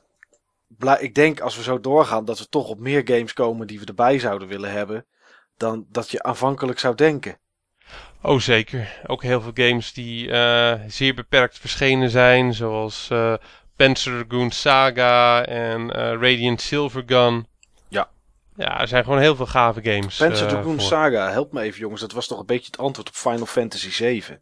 Ja, dat was zeg maar een RPG in het Panzer Dragoon uh, uh, universum op drie of vier discs. Ja. En uh, dat was inderdaad Sega's antwoord op Final Fantasy 7. ik heb er een keer een filmpje Die van helaas gezien. lang niet zo goed verkocht heeft. Zeg, zeg maar zeer schamel verkocht heeft. Maar geen slechte game was. Nee, goede game. Maar wel gewoon een zeer zeldzaam nu. Ja. Maar uh, ja, uh, goede titels en uh, goede consoles die toch slecht verkopen was na de Mega Drive eigenlijk een beetje het lot van, van Sega. Met als absolute hoogtepunt ja, de console die ook Sega's zwanenzang is geworden als hardwareleverancier. De Dreamcast. Ja, dat was mijn allereerste Sega console ooit. Van mij ook. En ik, nou ja, goed, we hebben het er al eens eerder over gehad, maar ik heb me enorm vermaakt met die console. Wat een goede graphics kwamen er uit dat ding. Wat een toffe games waren ervoor. En wat ik toen pas echt besefte, en dat is iets wat Sega al, al jaren deed, en daar ook echt heel erg goed in is, is dat ik vind Sega een perfect bedrijf voor één soort games. En ik heb ze maar later bestempeld als coin-up games. En dat zijn de games die je in de arcadehal zag, waar je een gulden destijds ingooide. Geen verhaal. Je pakte de joystick beet en de knoppen en je kon het spelen. Games als bijvoorbeeld een Crazy Taxi of een, een Outrun. Maar goed, een racer is natuurlijk vrij, vrij makkelijk om te doen. Uh, Sega heeft heel veel van dat soort games gemaakt en gehad. En die kwamen ook veelvuldig uit op de Dreamcast. Waar je gewoon ging zitten, je drukte op start en je kon spelen. En ondanks dat het een game was zonder verhaal, zat er zo enorm veel plezier in. Dat vond ik echt geweldig aan die console. Ja, zeker weten. De Dreamcast is mijn favoriete console ooit. Nog meer dan een Super Nintendo. Ik moet soms wel eens twijfelen, wat is nou je favoriete console ooit? De Super Nintendo of de Dreamcast? Dreamcast. Ding heeft zoveel indruk op me gemaakt in zo'n korte tijd. En ik heb nooit eerder het gevoel gehad wat ik had bij de Dreamcast. Dat ik echt met technologie zat te spelen. Uh, die me bevattingsvermogen uh, te boven ging. Uh, die gewoon zoveel beter was dan al het andere wat ik gewoon ervoorheen had gespeeld. En wat op dat moment ook in de winkel lag. Ehm, ik heb het verhaal hoe ik aan mijn Dreamcast gekomen ben was eerder verteld in de uitzending. Volgens mij de pilot uitzending. Ga ik gewoon nog een keer vertellen. Ik had in de tijd een PlayStation. Die had ik zeg maar Goeie gekocht. keus. Die had ik gekocht en gekraakt. En dat ding klikte op de een of andere manier niet eh, bij mij. Waarschijnlijk omdat die games geen waarde hadden voor me. Maar ik had er gewoon 20, 30 en ik had ze amper gespeeld en er kwamen alleen maar meer bij. Maar er was één game, die vond ik zo gaaf, die vond ik zo goed, die wou ik gewoon heel graag spelen. Die kon ik toevallig juist niet spelen, want die was goed beveiligd. Dat was Soul Reaver. Ik ging toen naar Future Zone in, eh, in Rotterdam om hem te kopen. Want ik dacht, daar zou die wel eens in de aanbieding kunnen zijn. En dat was zo. En toen ik in die winkel stond, kwamen op een gegeven moment twee jongens binnen. Met, eh, joh, eh, zijn ze er al, zijn ze er al. Nou, ik weet niet waar ze het over hebben, maar komt kla- klaarblijkelijk iets gaafs uit. En vervolgens vijf minuten later nog twee gasten, tegelijkertijd die winkel eh, binnen. Joh, zijn ze al binnen? En toen werd ik een beetje nieuwsgierig. En ik van, joh, wat, wat komt er dan zo meteen binnen? En ik denk, nou, het zal toch niet, het zal toch niet. Het was toen 13 september 1999. Ik had al zo'n voorgevoel. En ja hoor, Amerikaanse Dreamcasts. Want ze waren uitgekomen op, eh, in eh, Noord-Amerika op eh 9-9-99. Ja, Makkelijke datum. Nog steeds op 9 september brand ik altijd een kaarsje voor het ding. Maar ehm dat is bijna Ja, Steve. ja, dat klopt, klopt, ja. Dus daar waren ze hoor. Daar waren ze. Amerikaanse Dreamcasts. En eh, ja, ze zouden zeg maar iets van anderhalf uur of twee uur eh, na sluitingstijd dan die winkel ongeveer binnenkomen. En als ik, ik vroeg van joh, heb je nog eentje over? Ja, ja, dat moet wel lukken. En eh, wat zit er allemaal bij? Joh, een RGB-kabel en een, ja, een step-down converter. Dus gewoon alles wat je nodig had om te spelen. En toen stelde ik de belangrijkste vraag. Wat moet het kosten? Hebben jullie, nog, eh, hebben jullie nog een Soul Calibur dan over? Ja, hadden ze ook. En die Amerikaanse Dreamcast, inclusief die, eh die shizzle die je nodig had om hem te kunnen spelen, 800 gulden. Ja. Vond ik eh, veel geld, maar ik had wel eh, ja, geld gespaard. Want ik wou eigenlijk toch een beetje zo'n ding hadden, hebben. Want ik had hem al eens eerder gezien in winkels, maar ik wou gewoon een Europese. Maar dit was gewoon eigenlijk een niet te missen kans. Geen gedoe met 50 en 60 hertz gezeik. Gewoon een NTSC-apparaat waar je al die Amerikaanse games op kon spelen op het moment van dat ze uit waren. Wat in die tijd altijd nog eerder was. Ja. En er was één game die moest ik gewoon hebben. Daar had ik al op internet plaatjes van eh, gezien. En filmpjes, echt in, in mini-resolutie. Maar het zag er zo gaaf uit. Soul Calibur. En eh, ja hoor, echt eh, na twee uur ja, wachten kwamen ze dan, kreeg ik dat ding. Het was echt heel spannend. Oh, zal er nog een Soul Calibur over zijn? Zal er nog een Soul Calibur over zijn? En ja hoor, er was een Soul Calibur over. En daar ging ik dan door die kutbuurt in Rotterdam, want het is echt een gigantische kutbuurt. En eh dan ging ik met mijn peperdure eh, Dreamcast. Het was ook september en donker. Eh, dus eh, ja, ik had zoiets van, joh, als ik maar niet beroofd word door, eh, Door rovers. door rovers inderdaad, ja. En eh, ja, maar veilig uiteindelijk weer in Moordrecht gekomen, waar ik toen woonde. En ik sloot dat ding aan. En het was magisch. Het was magisch. Want eh, ik was toen een game aan het spelen die echt veel, veel, veel mooier was dan de arcade-versie. En wat soepeler arcade- ook vooral. Dat viel Oh, mij zo ja. erg op. Want de arcade-versie van Soul Calibur die was gebaseerd op PlayStation hardware. En dit was, eh, de Dreamcast was gebaseerd op een Naomi-bord van, eh, van Sega. En dat was gewoon echt een hele goede keuze. Want dat betekende dat gewoon al die Sega-games die op dat moment in de speelhal waren, die waren op dezelfde architectuur en dezelfde hardware als hun eh, spelcomputer. Die konden ze gewoon bijna één op één poorten. Dat was gewoon echt briljant. Je kon gewoon Sega-games, als het ware, mee naar huis nemen. Ja. En dat was fantastisch. Ik had ook, toen ik, hem, eh, toen ik hem gekocht had en aansloot en games ging spelen, had ik ook bijna bij elke game die ik opstart het gevoel, kijk, dit is 128 bits. Want, want ze waren de eerste met een 120, 128 bits console. En ik had, Zo verkochten ze hem wel. Ja. maar dat waren toch ook de eerste? Want PlayStation 2 kwam later. Ja, maar bits, dat, dat telde eigenlijk op dat moment al niet zoveel meer. Nee, oké, maar dat was wel, hè, dat was wel inderdaad waarmee ze adverteerden. En ik had ook echt het gevoel dat het dat was ook. Je had echt iets in je handen, een stukje technologie voor je gevoel uit de toekomst. Dat is, dat is hoe ik Ja, in het, Zo, zo voelde het wel. Ja. Zo voelde het wel. dat is hoe ik er in het begin echt mee heb zitten spelen. En eh, nou ja, binnen een jaar kwam dan de PlayStation 2 uit. Eh, Maar dat maakte veel minder indruk door de Dreamcast. En ik vond hem ook gewoon echt minder. Want eh, op het moment dat je Soul Calibur naast Tekken Tech Tournament zag, zag het er gewoon niet uit. Nee. Die, die textures die waren van mindere kwaliteit. het was enorm kartelig allemaal. Het zag er niet uit. En eh, een paar weken later kwam eh Dead or Alive 2 eh, uit op de Dreamcast. Nou, dat was al helemaal beter. Ja. Ja, ik had echt het gevoel, joh, ik heb een goede keuze gemaakt. Die Dreamcast die gaat het gewoon winnen. Die Dreamcast is gewoon superieur. En in sommige opzichten was die ook superieur. Hij was in ieder geval echt heel erg vernieuwend.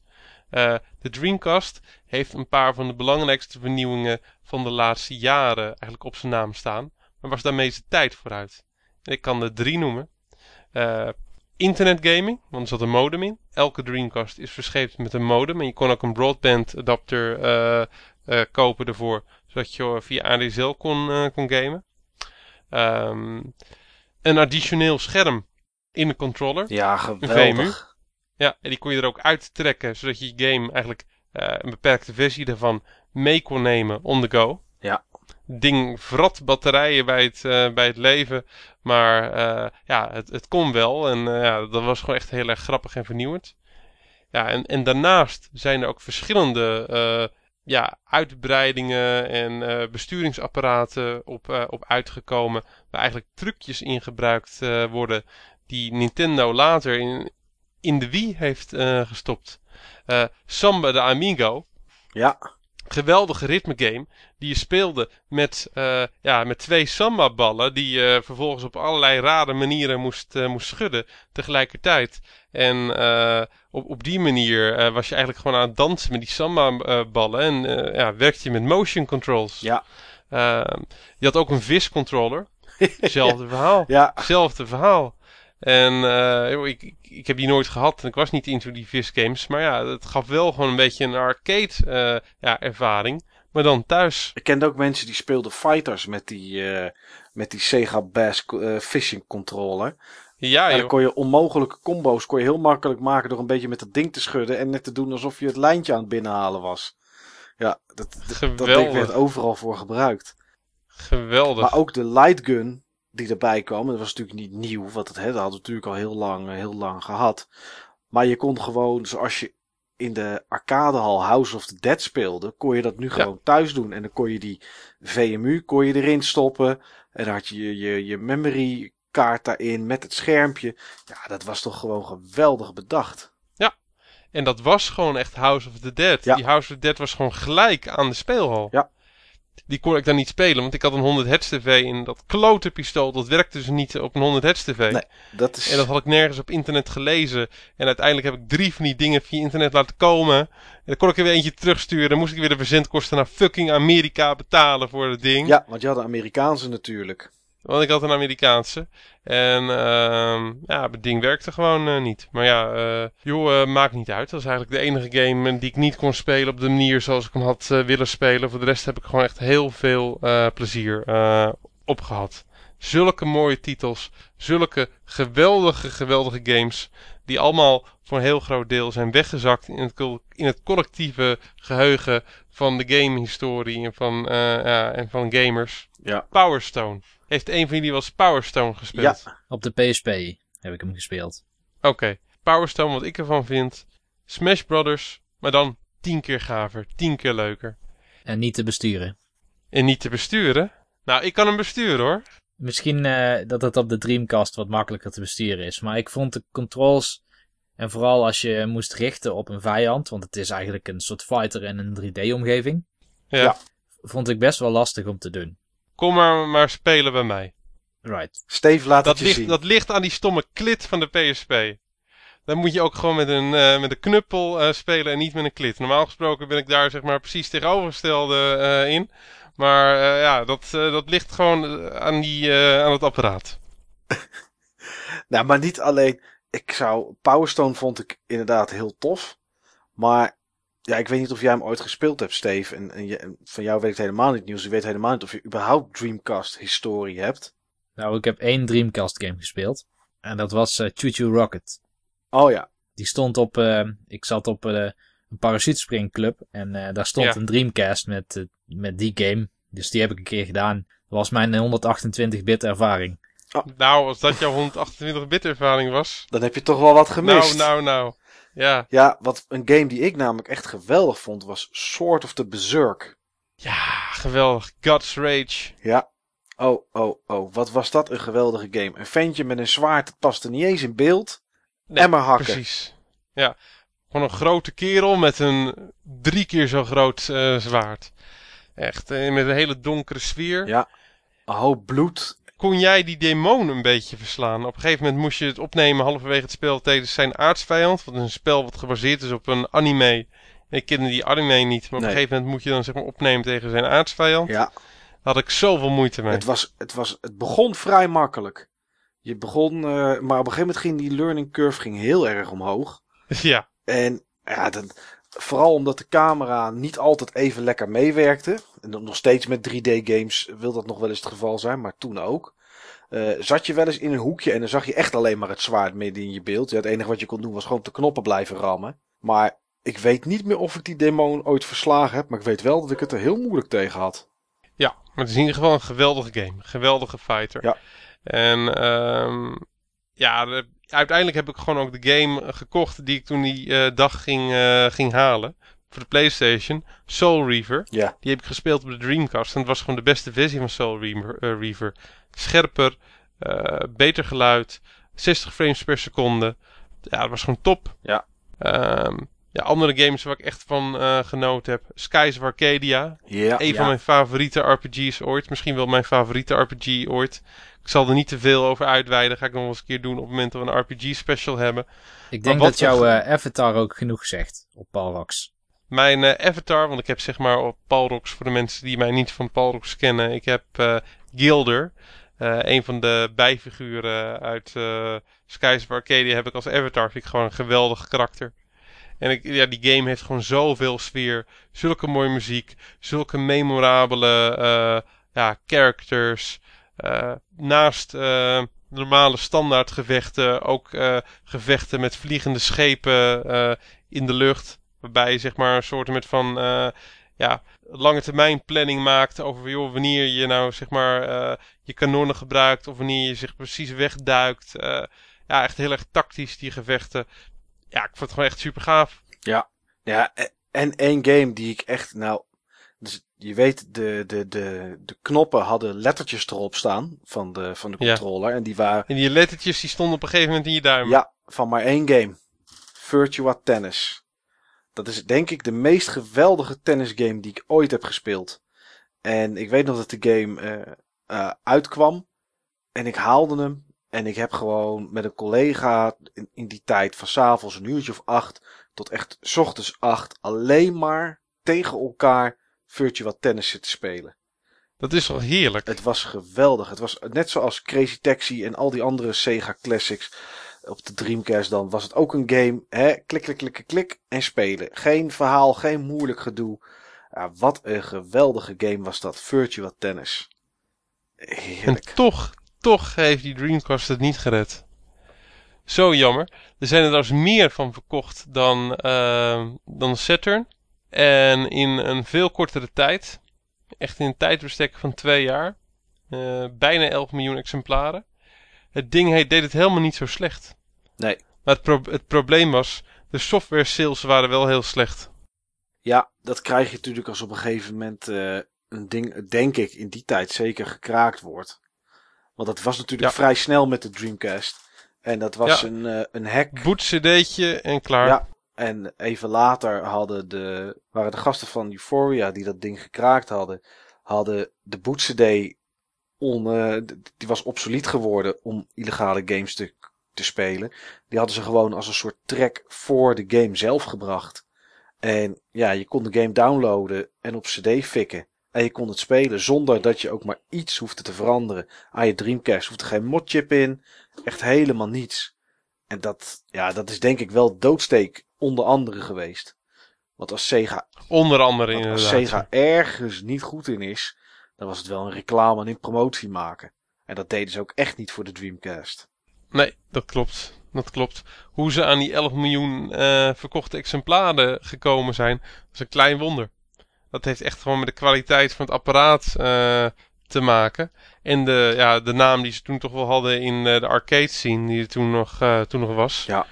Maar ja, toen de PlayStation 2 uitkwam en de GameCube uit zou gaan komen, toen was het gewoon vrij snel over. Ja. En ook gelijk de laatste console die Sega gemaakt heeft. Ja, ja. Ik zit er nu naar te kijken. En wat is het toch een mooi ding. Ja, ik heb hem boven staan, klaar om te spelen. En uh, één keer in de zoveel tijd zet ik hem toch aan en dan speel ik in ieder geval een potje Crazy Taxi. Want dat vond ik toch wel echt een, uh, een geweldige game. Later ook uitgekomen op de Gamecube, op de eerste Xbox, uh, weet ik wat allemaal. Maar nergens speelde het voor mijn gevoel zo fijn als op de Dreamcast. Maar ja. Ik ga mijn kaarsje er maar alvast bij zetten. Dat is denk ik wel... Uh... Dat die klaar staat op 9 september. Ja. Het is de enige console waar ik weemoedig van word. Ik kan je heel eerlijk zeggen dat ik dat ook heb. En ik weet niet waarom. Die, die games, die console, hij had gewoon iets. Ja. Ik vind die controller vind ik nog steeds echt fantastisch. Uh... Nee, de, de, vooral de ideeën die erin zaten. Hè? Met, die, met ja. die VMU inderdaad. Met die, uh, met die memory unit. Maar hij voelde ook gewoon goed. Ja. Je moest er wel losse rumble pack in stoppen nog. Als je, als je ja, rumble Anders was het ding te licht, vond ik. Die, dat ding moest er ook echt in. Ja. En dan je memory unit. Inderdaad, wat je zei, batterijen liepen volgens mij ook gewoon leeg op het moment dat hij in je controller zat. Dus Klopt. het waren batterijen. Alleen dan werd hij wel gevoed van je uh, controller. Dus op, je, je, had er pas last van op het moment dat je hem eruit haalde. Ja, maar er waren wel batterijen die volgens mij 12,5 gulden per stuk kosten. En er moesten er twee het waren in. Vrij, het waren vrij exotische batterijen. Ja, het waren van die, van die platte knoopcelbatterijen. Maar dan van die hele, hele brede platte. En ik heb ze later nog wel eens gekocht. Nou ja, kostte je kostte je 25 gulden om dat ding opnieuw te, te poweren, zeg maar. Maar het was het wel waard. Ik ga op uh, de beurs in Deurne weer eens op zoek naar wat Amerikaanse games. Ja. De echt mooie titels heb ik allemaal wel hoor, maar uh, nou, misschien kan ik nog iets leuks vinden. Maar ongetwijfeld. Zijn, ik weet niet of ze een beetje te vinden zijn hier, Amerikaanse Dreamcast games. Af en toe kom je ze een keer tegen. Niet zo vaak. Hoe zou Sega als ze er nu nog zouden geweest in de consolemarkt, hoe, wat zouden ze voor iets nieuws bedacht hebben? Zouden ze gewoon meegegaan zijn met de flow van de PlayStation 4 en de Xbox One? Of zouden ze iets nieuws gedaan hebben? Gewoon even zo een gedachte. Nou, mijn voorspelling? Ja? Ik denk dat Sega eerder met Wii gekomen was dan Nintendo. Oké, okay, ja, dat zou wel kunnen. Wat denk jij? Want uh, ze, zaten al, ze zaten al op die lijn uh, met zeg maar die extra uitbreidingen voor, uh, voor de Dreamcast. En, um, en de Wii geeft het meeste de arcade ervaring. Waar Sega altijd juist zo goed in, in was. Ja. Ik vind dat geen onlogische. Ja, dat vind ik geen onlogische, nee. Maar ik denk niet dat zij hun main controller helemaal op motion gefocust zouden hebben. Want Sega was wel voor een groot deel afhankelijk ook van de arcade en de arcade ports. En daarvoor waren er denk ik wel te weinig spellen die dan vanuit de arcade naar de thuiservaring overgebracht konden worden. Dus ja, ik weet het niet. Ik denk dat Sega toch wel meer de, de Xbox One en PlayStation 4 route ingegaan zou zijn. We zullen het nooit weten. Nee. Weet je wat me wel opgevallen is tijdens dit gesprek, jongens? Dat zoveel als we het bij Nintendo over Mario hebben, zo weinig hebben we het eigenlijk over Sonic bij Sega. Doet Sonic helemaal niks voor jullie? Niels? Bij mij wel. Ik heb uh, de afgelopen weken natuurlijk twee Sonic games gespeeld. Sonic 1 en 2. Ja. Um, ik had er vroeger weinig mee. Ik had het wel wat geprobeerd, maar het stond altijd bij de McDonald's en dan kon ik een, ja, een kwartiertje spelen. En dan was het altijd level 1. En ik heb dus altijd gedacht dat Sonic dat het gewoon rennen was en... Uh, en aan het eind van het level ziet te komen. Af en toe springen misschien. Ja, dat is misschien waar voor de eerste twee levels, maar daarna niet meer. Uh, maar in ieder geval op dit moment, ik, ik heb afgelopen week echt enorm veel plezier uh, beleefd. Vooral aan Sonic 2, die iets makkelijker te doen is dan Sonic 1. Sonic 1 die kent nogal wat van die uh, sudden pit traps of zo, die je niet aan ziet komen. Of in één keer ja. spikes net naast zo'n boost button. Je moet echt die levels gewoon precies scannen en dan ren je er zo doorheen. Maar uh, zo niet, dan, uh, ja, dan uh, ja. krijg je erg wat sudden deaths. Maar ik vind, ik vind de, de games, ik vind ze zo mooi uitzien en die snelheid. En ik heb de muziek aanstaan bij de Mega Drive. Want ik vind die Yamaha FM chip die erin zit, vind ik heel mooi geluid voortbrengen. ja. Op het moment dat die goed gebruikt wordt wel. Ja, oké, okay, dat is waar. Je kan er echt snoeilelijke muziek mee maken. Maar dat heeft ook te maken trouwens met de FM-synthese is gewoon heel ingewikkeld. Ik heb één docent gehad en die kon er echt goed mee omgaan. Maar FM-synthese is gewoon totaal niet intuïtief. En eh, je kan bijna niet voorspellen wat er gebeurt als je aan een knop draait op zo'n synthesizer. Het is, uh, het is heel wazig. Dus het is heel knap als je wel goede muziek mee kan maken. Vaak hoor je meer van die e-piano's en van die Michael Jackson basjes, zeg maar. Daar is het heel goed in. En drums. Maar dan houdt het ook wel een beetje op na die dingen. En jij, Steve, Sonic, doet het wel iets met je of doet het niet zoveel? Niet zoveel. Ik, uh, ik vind het uh, leuke games. Al moet ik zeggen dat ik alleen die, uh, die eerste wat meer gespeeld heb. Maar um, die heb ik ook niet uitgespeeld. Ik ben tot halverwege gekomen of iets dergelijks. Ik vind het wel echt een hele goede game hoor, die, die eerste. En Sonic Adventure heb ik ook erg van genoten. Alleen daar hebben we het laatst uh, in de uitzending over gehad. Dat is wel een game die heeft de tand destijds niet echt goed uh, doorstaan. Nee. Maar um, het is niet een van mijn favoriete games, Sonic. Dan kan ik wel wat andere Sega games opnoemen. Zowel van het 16-bit als het Dreamcast tijdwerk. Heb je ook nooit Sonic 2 bijvoorbeeld in multiplayer gedaan? Nee. Dat heb Nee. ik dus afgelopen week geprobeerd. Ja, dat kun je rustig overslaan. Dat is geen ervaring die je per se mee hoeft te maken. Want speler 1 is Sonic en speler 2 is Tails. En op het moment dat Sonic ook maar één pixel het scherm uit is, dan is Tails weg. En die komt dan uh, doodleuk een paar uh, seconden later weer het scherm ingevlogen. Dus eigenlijk doet één speler voor spek en bonen mee. Alleen bij eindbazen kan het handig zijn om Tails uh, op een eindbaas af te laten springen. Want als hij dan in de put valt, dan is er in principe niks gebeurd. En jij, Michael? Het is echt zo'n anderhalf spelerspel. nee, Sonic is, is ook nooit echt mijn ding geweest. En nog steeds niet heel erg. Ik moet zeggen dat ik Sonic Generations op de PlayStation 3 uh, dan wel heel af en toe nog eens oppak om even door een leveltje heen te rennen.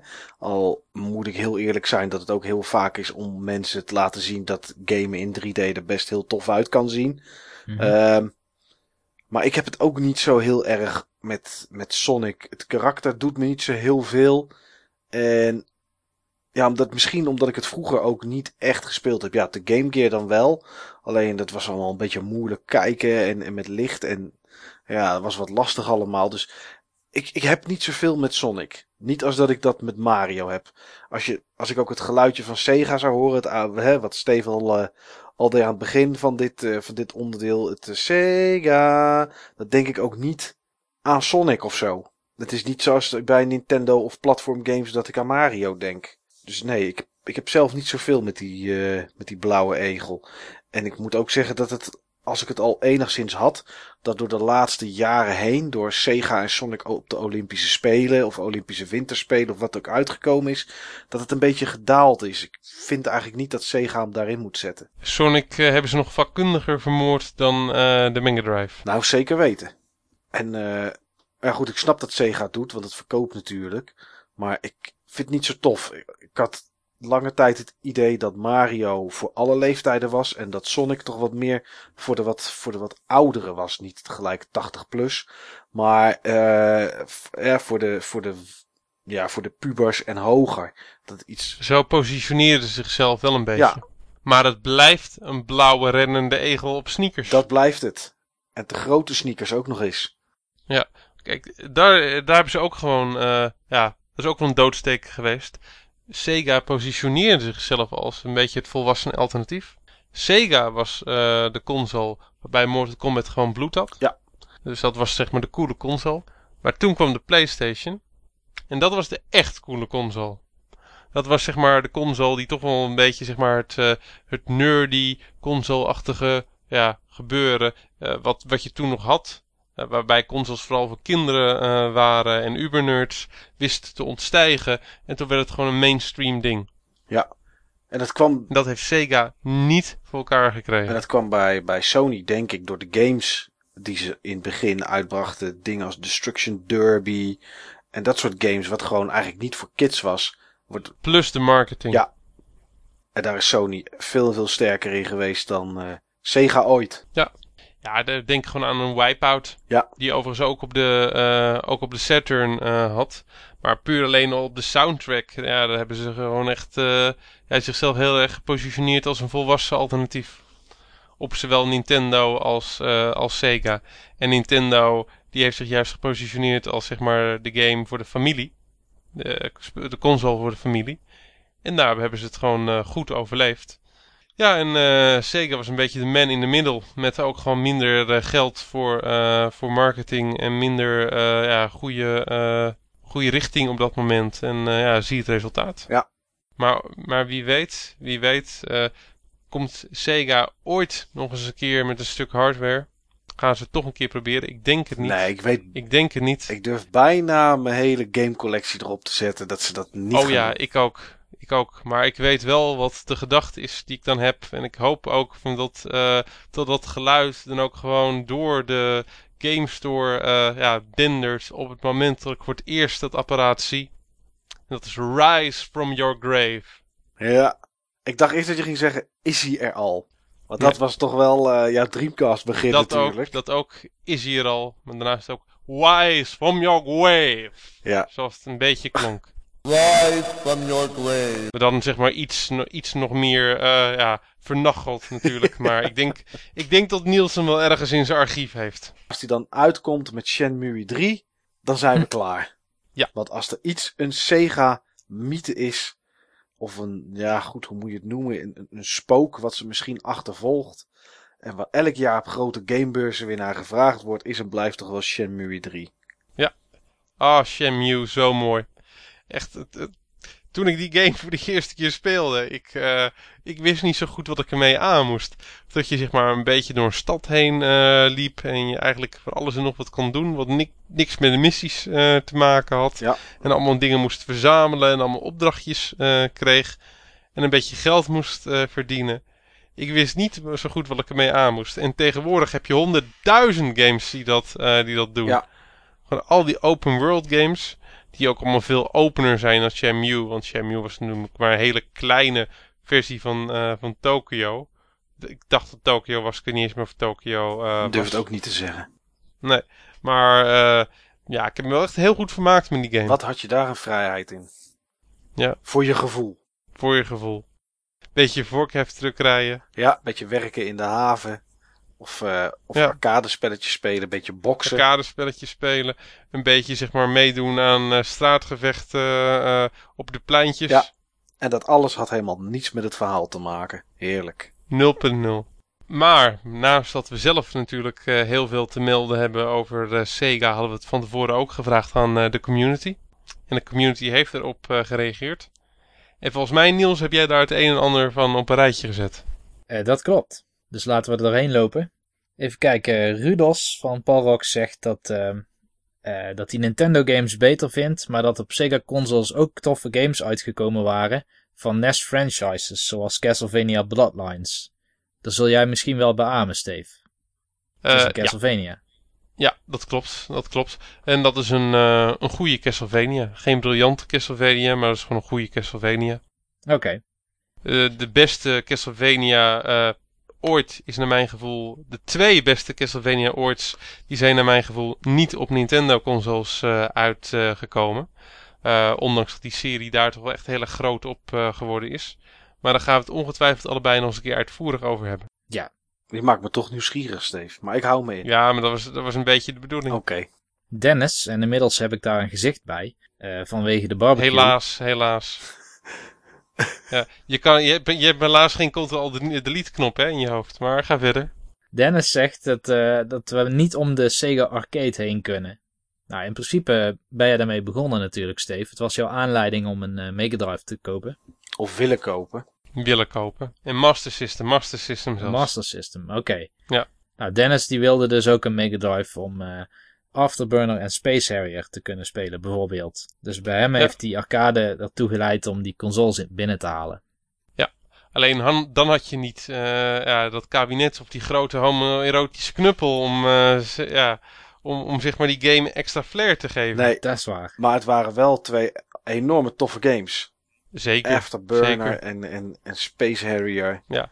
Jongen, jongen. Oké, Baksteen 666, oftewel Paul, moderator bij het Palrox Forum, heeft een lijstje gemaakt van dingen die hij interessant vindt. En op 1 staat Nintendo, op 2 Atari, op 3 vissen, op 4 60 kubieke centimeter stront, op 5 duiven, Ja, Op zes. het was sarcasme. Het was sarcasme. En helemaal onderaan staat Sega. staat Sega inderdaad.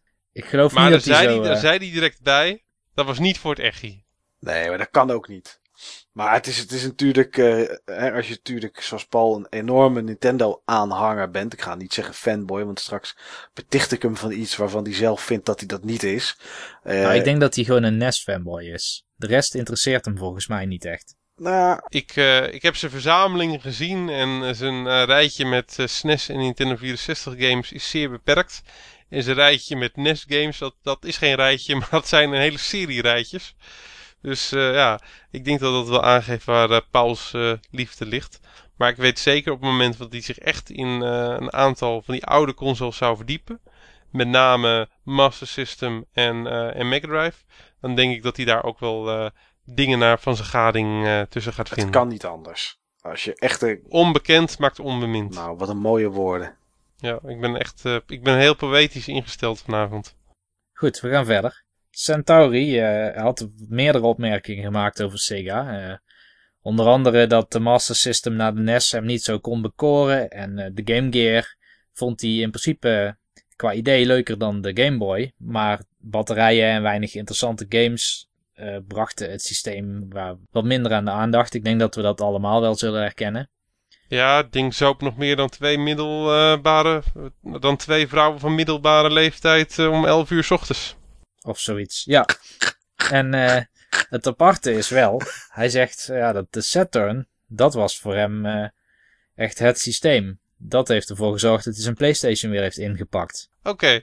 Reactie van Mike? Ja, Eh, ik ben nog een beetje ondersteboven van Steve's middelbare vrouw eh, opmerking. Ehm, weet je, ik heb de set natuurlijk niet zo heel erg gevolgd in die tijd. En ik heb natuurlijk, weet natuurlijk wel inmiddels wat er een beetje voor te koop is.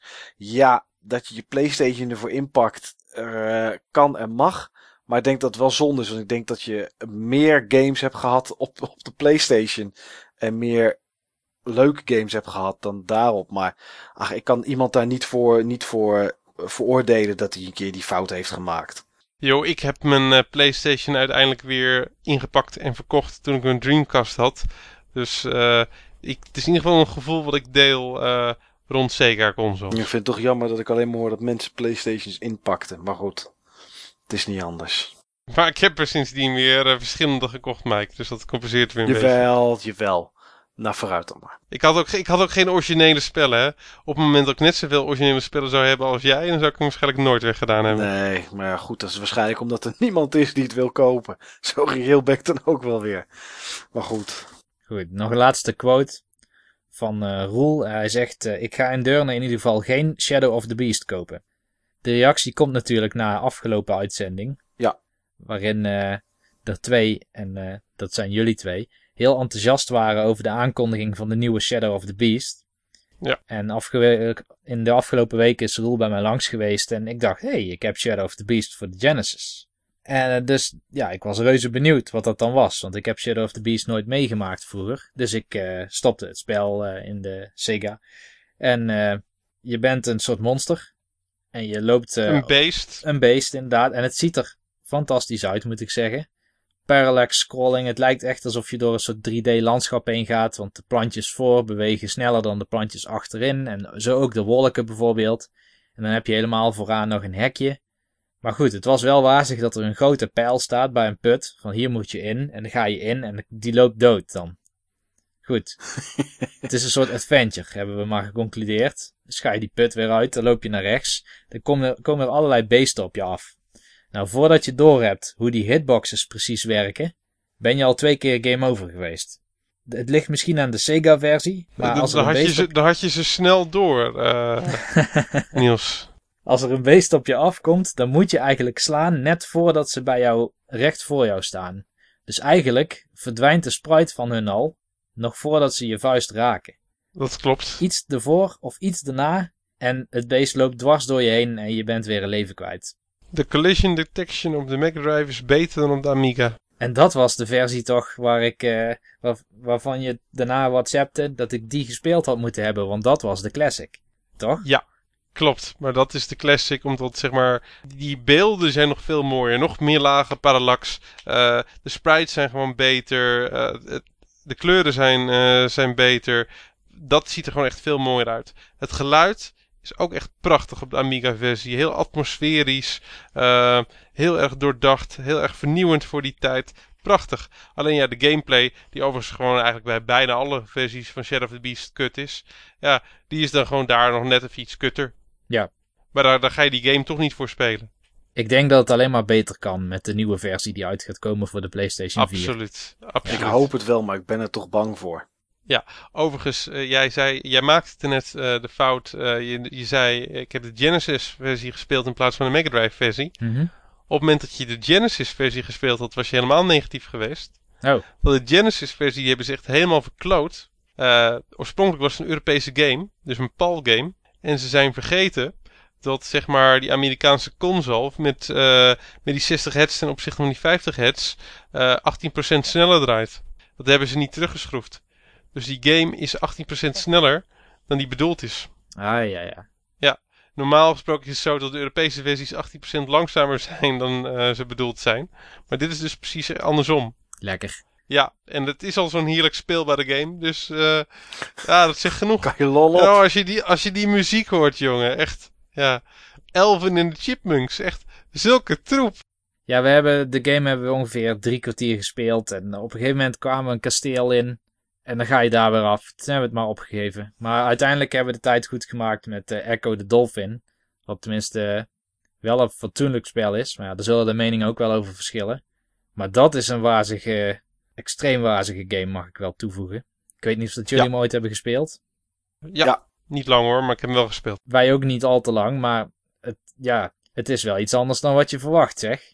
Je denkt, ik ga een spel spelen met een dolfijntje. Dus zo begint het ook. Je bent gewoon een dolfijn en je kan een beetje op en neer en er zijn vriendjes en daar zwem je tussen. En uh, binnen de kortste keren zit je in een time warp en dan heb je een keer time travels. En oh, by the way, aliens. Ja, Ja, hoe kwamen ze er toch op? ja het is... Ik eh, weet nog steeds niet waar het over gaat. Maar het is hetzelfde met Echo die eh, op de Dreamcast uitkwam. Dat was eigenlijk, en dat deed ik niet, heb ik sowieso nooit gedaan. Maar dat waren eigenlijk van die games, die moest je met een dikke joint op, moest je dat gaan spelen. en dan eigenlijk alleen maar met de dolfijn een beetje rondzwemmen en een beetje uit het water springen en naar die space-achtige muziek luisteren. Dat, Ja. dat was toch wel, eh, ik vond de verhaallijnen en de doelen nooit zo interessant. Alleen het rondzwemmen vond ik leuk om te doen eigenlijk. Steve, ken jij de game? Ja, maar ik denk er hetzelfde over als, uh, als Mike. Ja. Het is gewoon, uh, ja, aparte game. Heel apart. Maar wel, uh, wel bijzonder voor die tijd. Een acquired taste. En, Mar en Martijn Krabbe vond hem ook leuk in Powerplay, toch?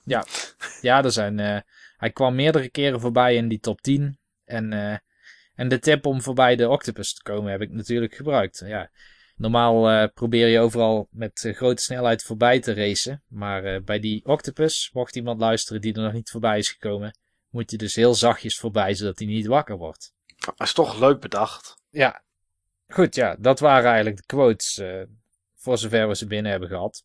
Nou, toch weer een leuke bijdrage van, uh, ja, van onze luisteraars en, uh, en lezers. Ja, zeker weten. Nou, daar zijn we blij mee. En gaan we vaker doen, toch? Ja. In seizoen 2. Ja, seizoen 2. Seizoen 2 betekent een nieuw uh, jingletje. Ja, dus uh, luister nog maar uh, één laatste keer naar. Want ja, dit is waarschijnlijk de laatste keer dat jullie hem gaan horen.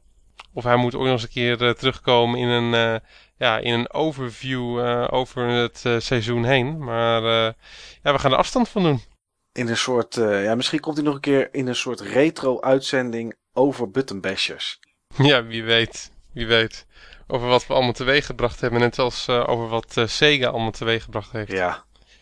Ik hoop in ieder geval dat mensen dan net zo positief en weemoedig over ons praten. Dat zou wel leuk zijn. Van, ja, ze hebben het niet zo te goed gedaan.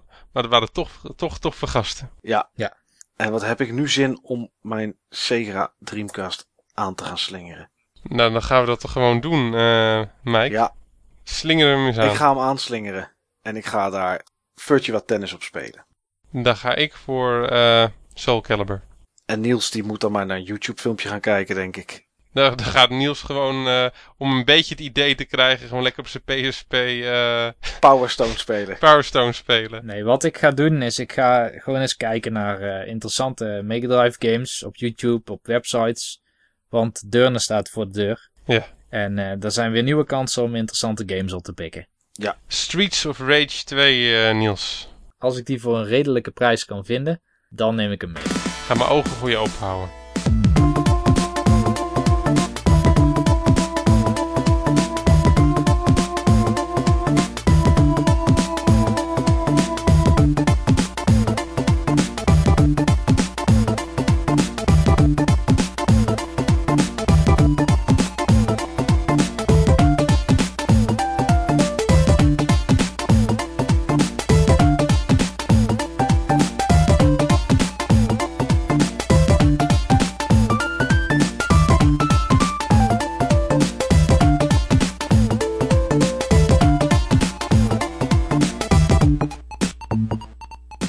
Vond het weer een enorm leuke uitzending om eh, met jullie op te nemen, eh, mannen. En ik hoop dat de luisteraars daar hetzelfde over eh, denken op het moment dat ze dit horen. Ik moet zeggen, Steve, dat ik een hoop van je geleerd heb. Want mijn kennis van Sega was inderdaad niet zo heel erg geweldig.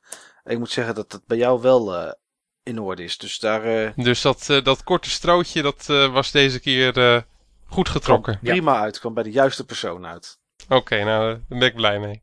Nou, mensen gaan in ieder geval op zoek in Deurne en straks in Apeldoorn en alle andere retro-events die er in september aankomen, want zijn aardig veel. Ga op zoek naar die gave Sega eh, shizzle, want voordat je het weet is het gewoon weg naar deze uitzending, want ik denk dat iedereen erop gaat springen. En nu gaan we afsluiten, want ik heb al drie keer eerder geprobeerd om af te sluiten en steeds zeggen die gasten weer wat. En nu snoer ik ze gewoon de mond. Hier komt het jingeltje en jongens, heel veel plezier. Sega.